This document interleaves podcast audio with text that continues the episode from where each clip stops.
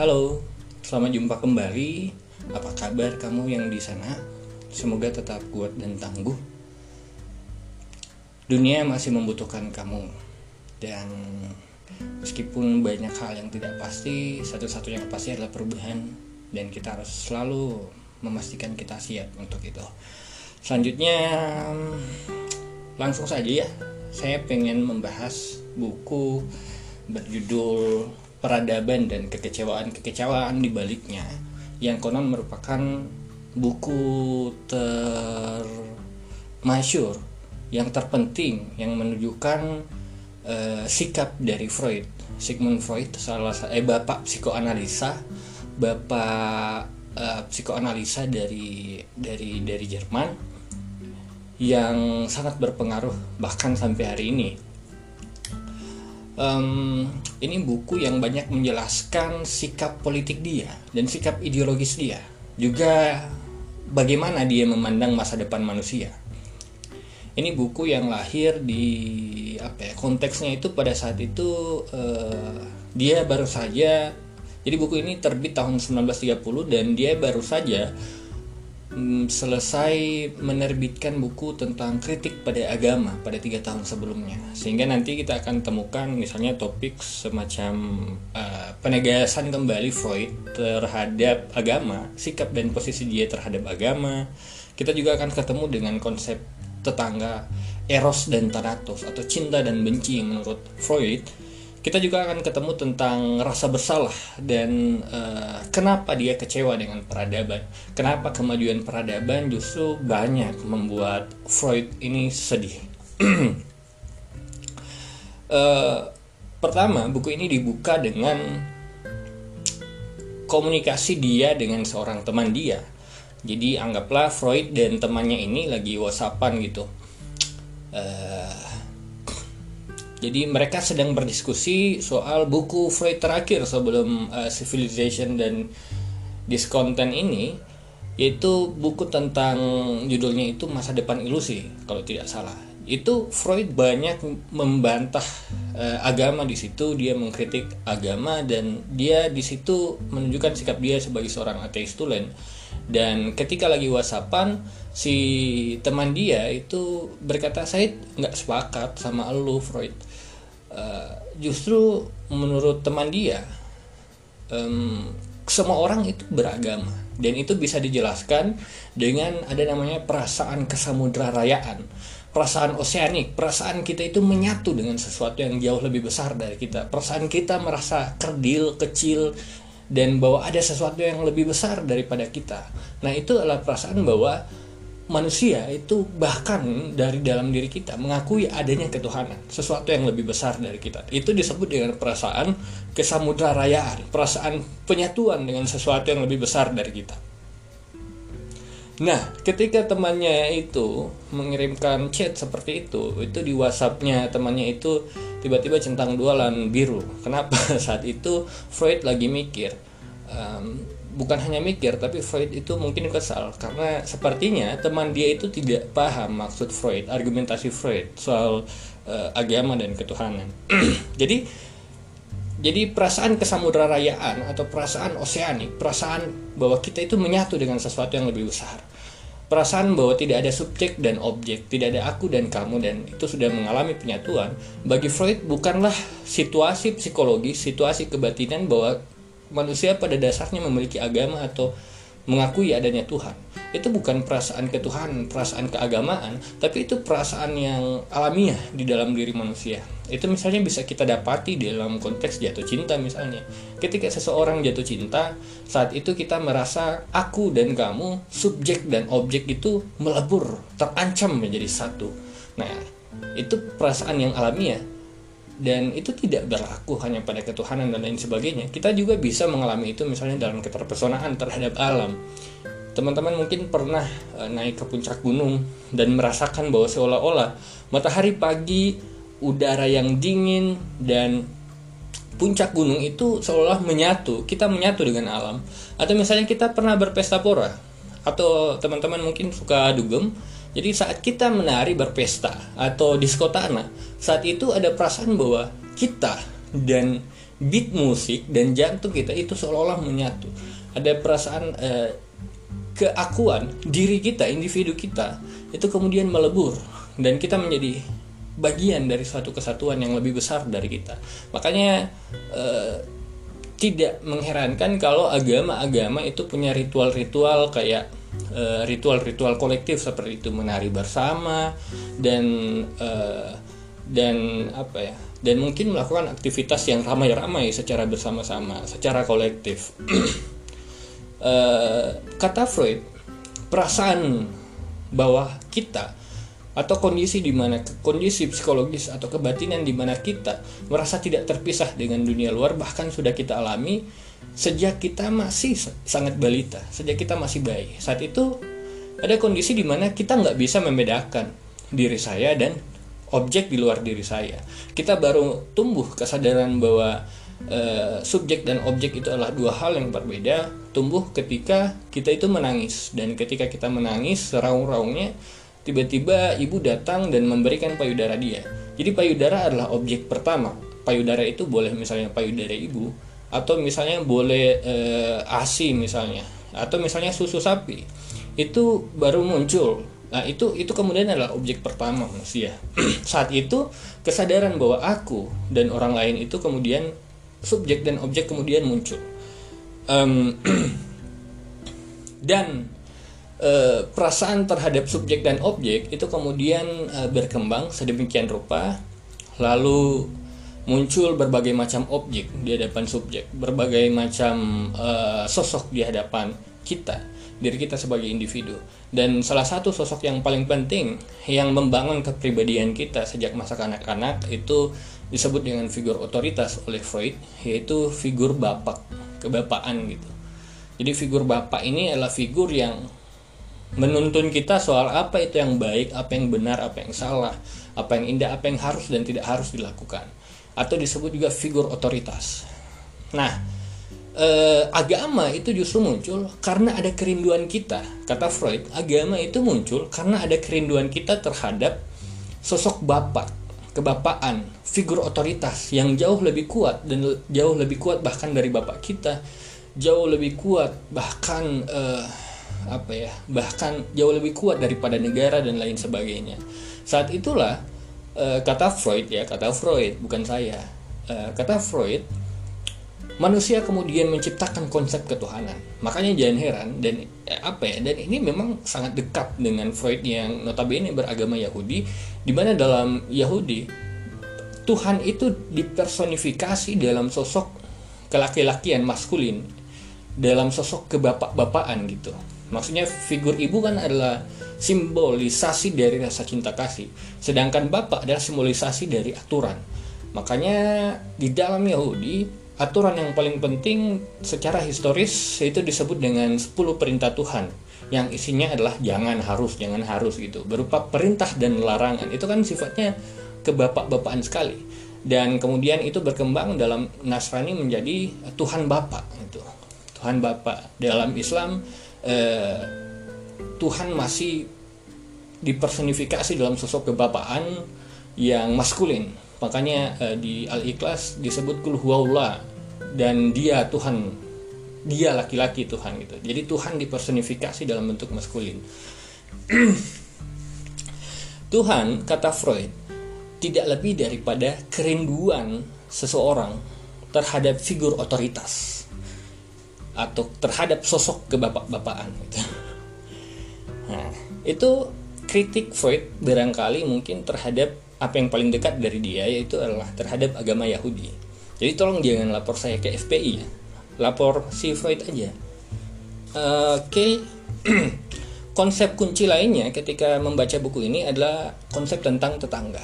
Jadi dalam uh, dalam dalam kitab suci dikatakan bahwa kita harus mencintai tetangga kita atau golden rules ya yang sering dimodifikasi seperti ini. Uh, cintailah tetanggamu sebagai eh cintailah orang lain sebagaimana kau ingin dicintai dan itu di apa ya itu di di di, di ditulis dalam aturan bahwa cintailah tetanggamu gitu cintailah uh, orang yang ada di sampingmu. Cintailah orang lain gitu. Freud tidak sepakat dengan kecintaan itu. Justru menurut Freud tetangga itu lebih eh, jadi kalau menurut agama ya tetangga itu adalah objek dari rasa cinta atau objek dari eros kecintaan. Tapi menurut Freud tetangga justru lebih potensial menjadi objek kebencian objek dari Thanatos dibandingkan objek dari rasa cinta, objek dari eros.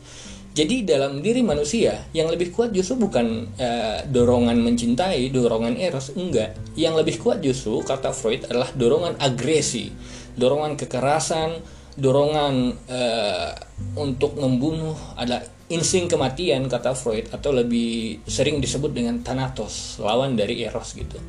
Jadi uh, dalam konteks aku mencintai tetanggamu yang lebih realistis kata Freud adalah e, tetanggaku adalah musuhku dan aku harus menghabisinya. Justru karena itu kita harus mencintai tetangga kita. Kodrat manusia kata Freud secara psikoanalisis adalah kita lebih mungkin bersifat agresif terhadap tetangga kita ketimbang kita mencintai tetangga kita. Makanya jangan heran e, biasanya objek permusuhan itu salah satunya. Dan paling paling sering terjadi adalah tetangga. Misalnya eh, di dalam beberapa masyarakat ada misalnya eh, orang yang seorang ibu rumah tangga mungkin atau seorang bapak rumah tangga insecure gara-gara melihat tetangganya lebih sukses. Kemudian terjadi perang gengsi antara mereka. Jadi mungkin ini mengingatkan saya sih bahwa Uh, mungkin memang benar, memang benar, memang benar kalau Freud itu berkata kita lebih mungkin lebih potensial bersifat agresif terhadap tetangga kita, terhadap orang lain dibandingkan uh, mencintai orang lain. nah, karena dorongan Thanatos lebih kuat daripada Eros, karena kita lebih mungkin memusuhi tetangga dibandingkan mencintai tetangga, maka manusia pun menciptakan peradaban. Kenapa? Supaya peradaban itu bisa meminimalisir meminimalisir uh, agresivitas manusia. Jadi peradaban itu pun harus dibangun supaya kita bisa meminimalisir agresivitas dan kerusakan yang kita ciptakan terhadap tetangga kita. Dan demi membangun peradaban, kita harus uh, memperkaya eros atau rasa cinta. Jadi peradaban itu dibangun atas dasar cinta terhadap manusia lain karena kita tidak mau membuat kerusakan terhadap tetangga kita terhadap manusia lain gitu. Nah, makanya eh, peradaban itu kemudian dibentuk. Nah, peradaban ini eh, memang secara definisi peradaban ini masih apa ya, terutama bagi teman-teman yang mungkin sudah membaca de, benturan antar peradaban sama Huntington. Peradaban itu memang definisinya kurang jelas. Tapi di sini uh, Freud memberikan semacam ilustrasi bahwa peradaban itu sebenarnya bahwa definisi peradaban versi Freud.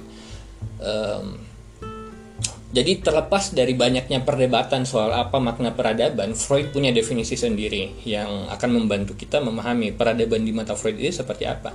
Definisinya adalah akumulasi dari pencapaian-pencapaian manusia dalam soal apa estetika, kebersihan dan ketertiban atau moralitas yang membedakan manusia hari ini dengan nenek moyang kita.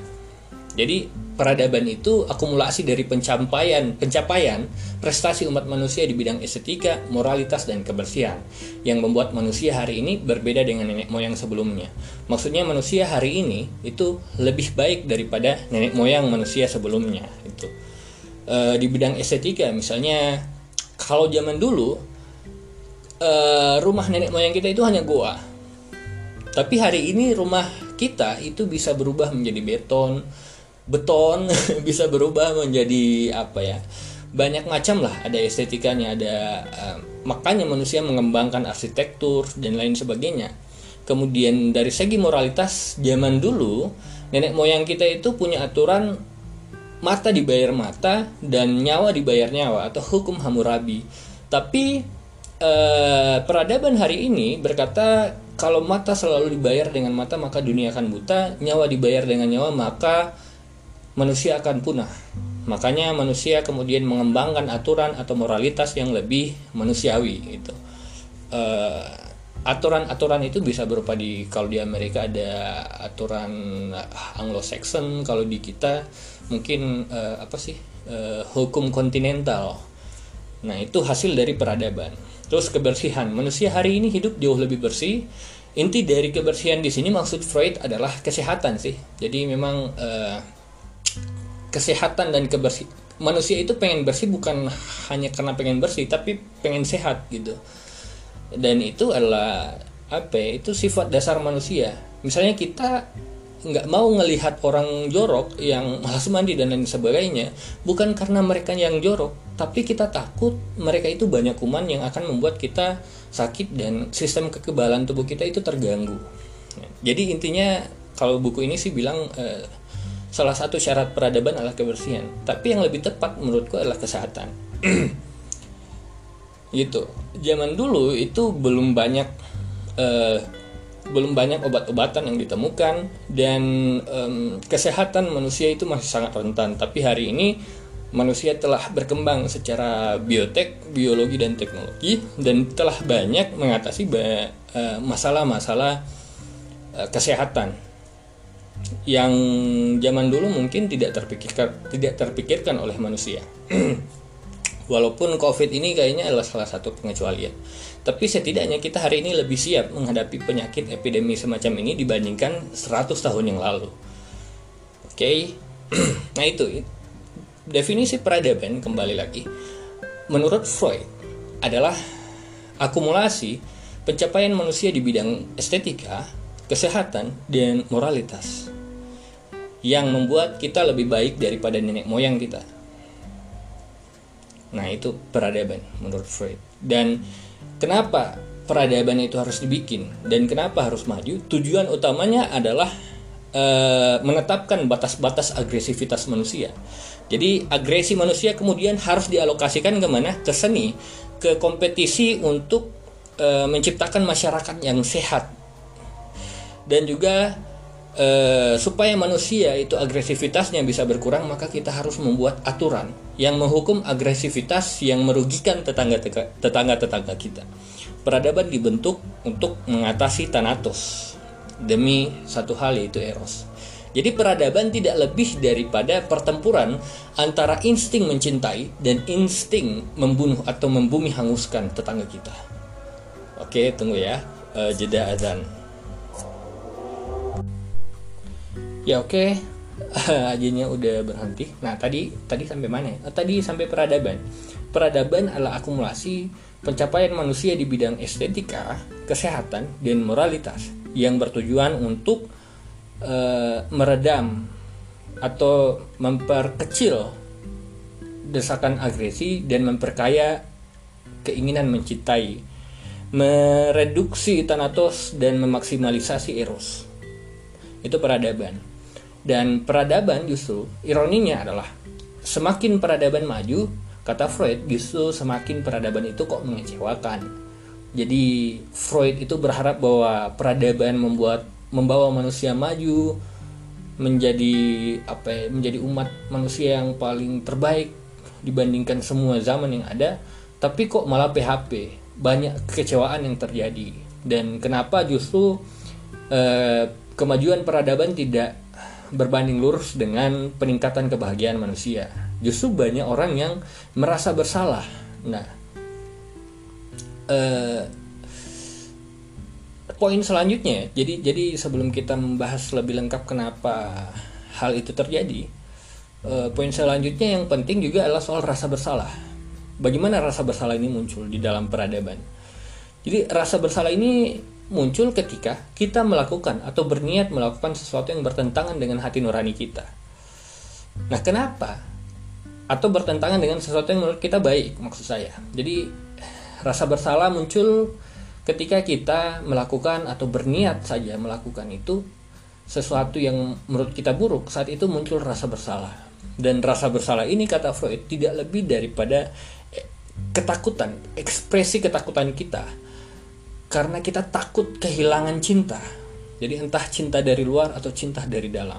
Jadi rasa bersalah adalah ekspresi ketakutan kita akan kehilangan cinta. Entah itu misalnya dari luar adalah cinta dari orang tua misalnya. Pernah nggak kita misalnya mukul? Saya dulu pernah ya. Saya dulu pernah memukul anak tetangga waktu di bola gitan dulu. Dan saya dimarahi oleh orang tua saya. Nah saat itu saya akhirnya e, merasa takut saya merasa bersalah tapi sebenarnya adalah saya ketakut kehilangan cinta dari orang tua saya karena dimarahi berarti menurut saya itu cintanya berkurang dan karena saya takut cintanya itu berkurang, maka saya merasa bersalah tiap kali saya memukul anak tetangga. Nah, begitu. Kalian mungkin punya contoh lain misalnya. nah, jadi eh, yang dimaksud dengan takut kehilangan cinta itu adalah takut kehilangan cinta orang tua misalnya. Jadi takut kehilangan figur cinta dari figur otoritas yang kita imani. Tapi figur otoritas ini bukan hanya orang tua. Semakin kita tumbuh dan berkembang, semakin figur otoritas ini memperluas dirinya misalnya menjadi negara, bisa menjadi agama. Jadi misalnya um, misalnya kita itu um, kita itu melanggar hukum. Nah, kita kemudian akan merasa bersalah. Kenapa? Karena kita takut kehilangan cinta dari negara karena negara memarahi kita lewat misalnya penjara atau misalnya hukuman dan lain sebagainya. e, nah seperti itu. Kita takut misalnya berbuat dosa. Kenapa? Karena kita takut kehilangan cinta Tuhan misalnya. Untuk orang-orang yang agamis. Kita takut e, kehilangan cinta dari ideologi kita karena kita melanggar perintah dan larangan dari ideologi yang kita anut misalnya Nah, kemudian kita akan merasa bersalah karena itu. Nah, tapi e, sumber dari takutnya kehilangan cinta, sumber dari rasa bersalah itu tidak hanya dari figur eksternal, figur otoritas eksternal, tapi juga ber bisa berasal dari dalam diri. Jadi e, otoritas di dalam diri ini disebut dengan super ego atau sering kita kenal dengan kata suara hati misalnya. Katakanlah begini, kita itu bisa melakukan kejahatan melanggar perintah dan larangan itu tanpa ketahuan siapa pun, tanpa ketahuan orang tua dan tanpa ketahuan negara. Misalnya kita berada di satu supermarket yang tidak ada CCTV ini, tidak ada kasir di situ, tidak ada yang jaga, tidak ada orang yang menjaga dan kita bisa mencuri sesuka kita.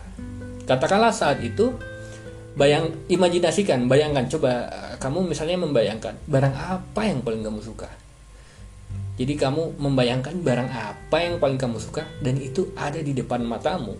Di supermarket yang tidak dijaga oleh orang, tidak ada CCTV dan kalau kamu mau mengambil itu, mencuri itu, tidak ada yang akan mengetahui tindakanmu.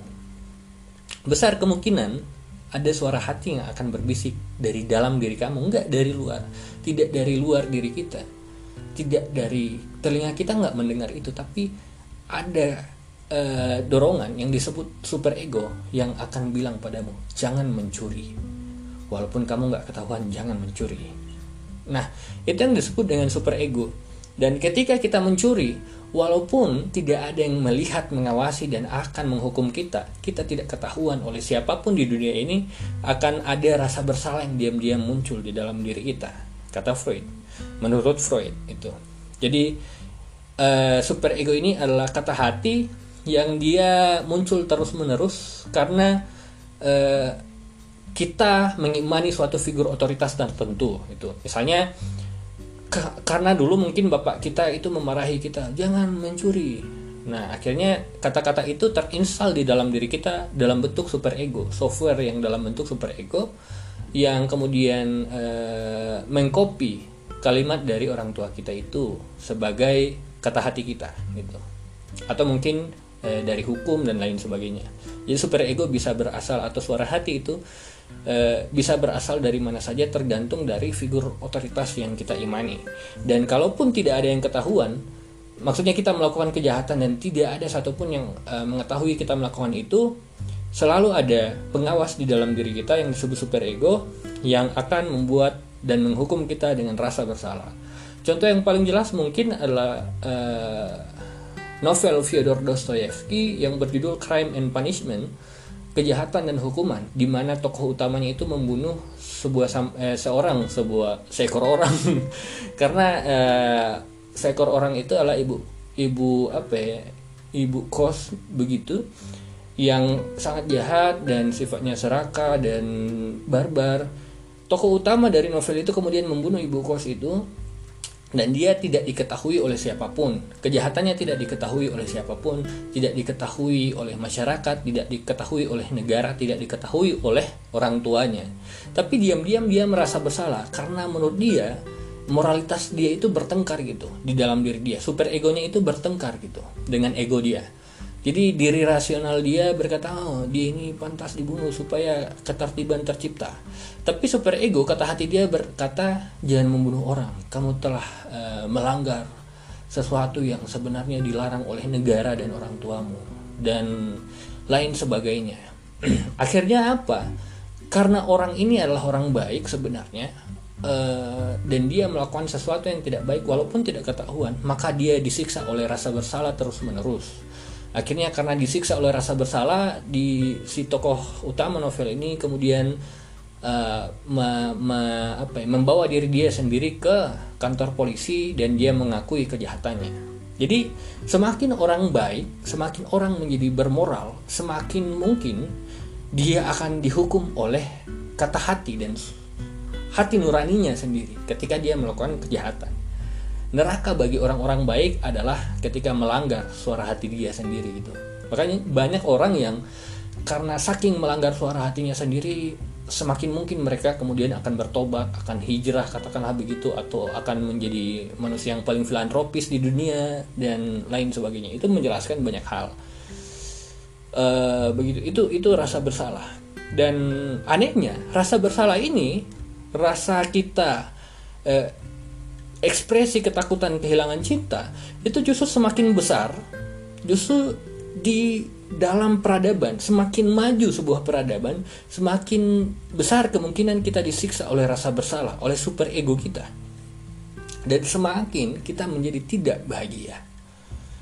Uh, uh, jadi kenapa ini terjadi? Karena jadi sekali lagi peradaban itu e, berusaha untuk meminimalisir tanatos atau agresi manusia.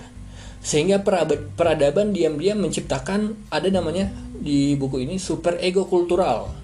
Jadi standar seni, standar kesehatan dan standar moralitas kultural, standar moralitas sosial gitu. Jadi tiap komunitas punya super egonya masing-masing. Misalnya komunitas bangsa Indonesia super egonya apa? Super egonya adalah um, Pancasila misalnya super egonya maka individu super ego individu itu harus mematuhi super ego uh, kultural. Super ego individu kata hati kita itu harus sesuai dengan Pancasila. Super ego yang diyakini oleh sebuah negara. Atau misalnya kita ada komunitas tertentu kan ada perintah dan larangan di situ. Nah super ego kita itu harus mematuhi uh, perintah dan larangan dari komunitas di mana kita tinggal dan menjadi anggota. Nah persoalannya begini, uh, karena buku ini sekali lagi dia dia terbit di tahun 1930 dan saat itu konteksnya adalah perang dunia dan uh, banyak pembatasan-pembatasan sosial yang terjadi. Maka saat itu peradaban dianggap mengecewakan karena setiap individu dia harus patuh terhadap uh, keinginan masyarakat, keinginan sosial, harapan sosial. Semakin individu itu harus patuh pada harapan sosial, semakin individualitas kita itu hilang. Jadi bayangin kita itu pengen sesuatu dan sesuatu itu bertentangan dengan keinginan masyarakat. Misalnya kita pengen uh, kita itu dalam diri kita itu pengen uh, apa ya? pengen menjadi orang kidal tapi masyarakat kita harapan masyarakat kita adalah kita harus jadi orang kanan misalnya. Nah saat itu ada penderitaan sosial. Kenapa? Kita menginginkan sesuatu yang bertentangan dengan harapan-harapan sosial harapan masyarakat. Atau misalnya eh, kita itu pengen dengar musik jazz tapi harapan masyarakat kita berharap bahwa kita itu mendengarkan musik klasik aja. Nah saat itu ada penderitaan sosial karena selera musik kita bertentangan dengan harapan dari masyarakat. Nah ini adalah kemungkinan di mana neurosis terjadi neurosis itu uh, gangguan kejiwaan misalnya makanya orang gila itu kan disebut gila karena dia bertindak dan berucap berbeda dengan uh, apa yang normal di dalam masyarakat, apa harapan masyarakat. Makanya orang gila itu misalnya ada yang telanjang di tengah jalan dianggap oh gila. Kenapa? Karena dia dianggap bertentangan dengan uh, harapan masyarakat. Atau dia melakukan sesuatu yang uh, sangat aneh misalnya tiap makan dia harus kayang. Nah, itu dianggap gila. Kenapa? Karena mungkin ya yang makan sambil kayang menganggap itu adalah keinginan dia. Itu uh, itu adalah hasrat untuk makan seperti itu, tapi karena masyarakat ber keinginan lain maka itu disebut gila. Nah itu men menciptakan penderitaan sosial. Semakin kita hidup menginginkan sesuatu yang ternyata ironinya bertentangan dengan harapan dan keinginan masyarakat, semakin akan mungkin kita mengalami penderitaan sosial. Dan semakin kita akan disiksa oleh rasa bersalah. Dan semakin mungkin kita akan mengalami neurosis, gangguan jiwa dan semakin masyarakat itu tidak bahagia. Jadi di sini kata Freud, kemajuan peradaban itu tidak berbanding lurus dengan meningkatnya kebahagiaan. Kenapa? Karena individu dipaksa untuk selalu selalu patuh dengan selera masyarakat umum. Selera superego individu harus dipaksa selalu patuh terhadap superego eh, apa superego kultural. Jadi eh, ketidakbahagiaan bisa kita bilang ketidakbahagiaan bagi Freud itu muncul justru ketika kita itu terpaksa tidak menjadi diri kita sendiri hanya karena harus mematuhi uh, figur otoritas atau super ego kultural atau keinginan masyarakat atau harapan masyarakat gitu. Karena kita terlalu cinta dengan masyarakat dan kalau kita melakukan sesuatu yang menurut kita bertentangan dengan masyarakat maka berarti kita sedang bersifat agresif terhadap masyarakat dan itu tidak diinginkan oleh peradaban maka kita tidak bahagia. Hmm, seperti itu Jadi peradaban sama dengan tidak kebahagiaan, sama dengan tidak menjadi bahagia. nah, akhirnya kata Freud, dia kecewa dengan peradaban gara-gara itu. Bagi dia, untuk apa seni misalnya semakin maju dan mutakhir, manusia semakin sehat dan moralitas itu semakin berkembang sehingga hukum itu menyebabkan banyak kejahatan dan peperangan pada akhirnya hari ini itu banyak yang uh, berkurang dan juga um, dan juga harapan hidup manusia semakin tinggi. Tapi untuk apa kata Freud kita bisa umur panjang tapi tidak berbahagia? Untuk apa kita bisa umur panjang tapi tidak berbahagia? Yang kemudian membuat kita ingat mungkin dengan Harari dalam Homo Deus di mana manusia memang benar lewat peradaban dia telah mengalami banyak hal e, dalam soal kesehatan dalam soal e, kelaparan telah kita banyak kita perangi dan juga perang itu telah menurun dan manusia bisa bisa saja dari Homo sapiens dia di-upgrade menjadi Homo Deus. Bisa saja kita itu bukan hanya sekedar menjadi manusia, tapi menjadi Tuhan di muka bumi ini. Tapi kembali lagi kata Freud, untuk apa kita umur panjang kalau tidak bahagia? Untuk apa peradaban maju kalau nyatanya manusia menjadi tidak bahagia? Untuk apa Homo sapiens di-upgrade menjadi Homo Deus kalau misalnya kita tidak lebih bahagia daripada nenek moyang kita? Untuk apa menjadi Tuhan yang tidak bahagia di muka bumi ini? Mending kita menjadi manusia biasa yang hidupnya lebih bahagia sih. Mungkin itu ya menurut Freud. Maksudnya eh, kalau kita uh, dekati dengan Homo Deus. Untuk apa kita di-upgrade menjadi Tuhan tapi kita adalah Tuhan yang paling tidak bahagia di muka bumi? Nah, ini adalah kalau dalam kata Mark Manson dalam buku Everything Fact, memang ini buku yang juga sangat mempengaruhi Mark bisa teman-teman cek di uh, buku favoritnya Mark di situs pribadi dia. Kata dia di Everything Fact kata dia um, ini disebut dengan paradoks kemajuan.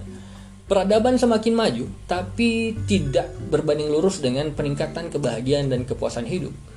Dia pakai contoh di Amerika tapi kalau kita lihat di banyak situs kita bisa lihat uh, memang apa ya angka bunuh diri memang berkurang tapi dikit banget dikit sekali tapi angka depresi, angka kecemasan, anxiety dan e, masalah mental lainnya itu justru meningkat.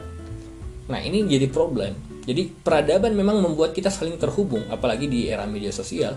Tapi media sosial juga menyebabkan tingkat kecemasan dan tingkat potensi depresi itu meningkat di generasi terutama generasi Z yang diasuh oleh media sosial. Uh, ada sebuah uh, laporan dari suatu rumah sakit uh, mental yang mengatakan bahwa jumlah uh, pasien dari usia yang berada di generasi Z dan milenial akhir itu mengalami peningkatan dibandingkan generasi-generasi sebelumnya. Artinya peradaban memang telah membawa kita sampai ke tahap ini, sampai di mana ada bukit yang disebut dengan bukit silikon, manusia bisa mencapai uh, bulan dan mungkin nanti akan ada turis eh pariwisata menuju Mars dan lain sebagainya.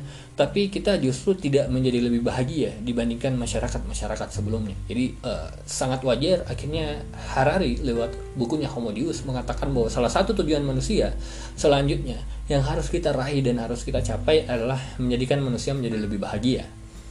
Tapi uh, itu ya. Itu mungkin uh, cara Harari menjawab menjawab uh, Freud tapi bagaimanapun ini buku yang bagus banget untuk kembali mengajak kita merenung bahwa kalau misalnya peradaban itu tidak meluluh membuat kita lebih bahagia, apakah peradaban itu masih harus kita pertahankan kemajuannya? Uh, apakah kita harus ikut pesimis seperti Freud di sini? Atau kita bisa atau Freud sebenarnya uh, sebenarnya keliru dan kita bisa membuktikan bahwa uh, peradaban bisa berbanding lurus kok dengan kebahagiaan. Tapi ketika itu terjadi, apakah ada kekecewaan lain yang akan lahir dan uh, masa depan masih terlalu panjang untuk kita bisa menjawab itu dan makanya kamu harus tetap hidup dan bertahan harus tetap kuat supaya kita bisa menyaksikan bagaimana umat manusia sama-sama menjawab hal itu. So dramatis anjir. Oke, itu saja sih uh, kali ini. Ya terima kasih teman-teman yang sudah ikut sudah ikut menemani saya. Kamu yang sudah menemani saya sampai sekarang. Ini nggak tahu udah episode keberapa. Dan teman-teman kalau misalnya menurut kamu uh, topik ini menarik dan layak dan pantas untuk didengarkan oleh teman-teman kita yang lain yuk bantu sharing dan saya menanti teman-teman kalau misalnya ada kritik dan misalnya ada saran saya senang sekali Eh, bisa mendengar itu dari kawan-kawan. Dan kamu semoga masih tetap kuat dan sehat. Jangan lupa kita harus membuktikan bahwa Freud mungkin keliru oke terima kasih dan bye bye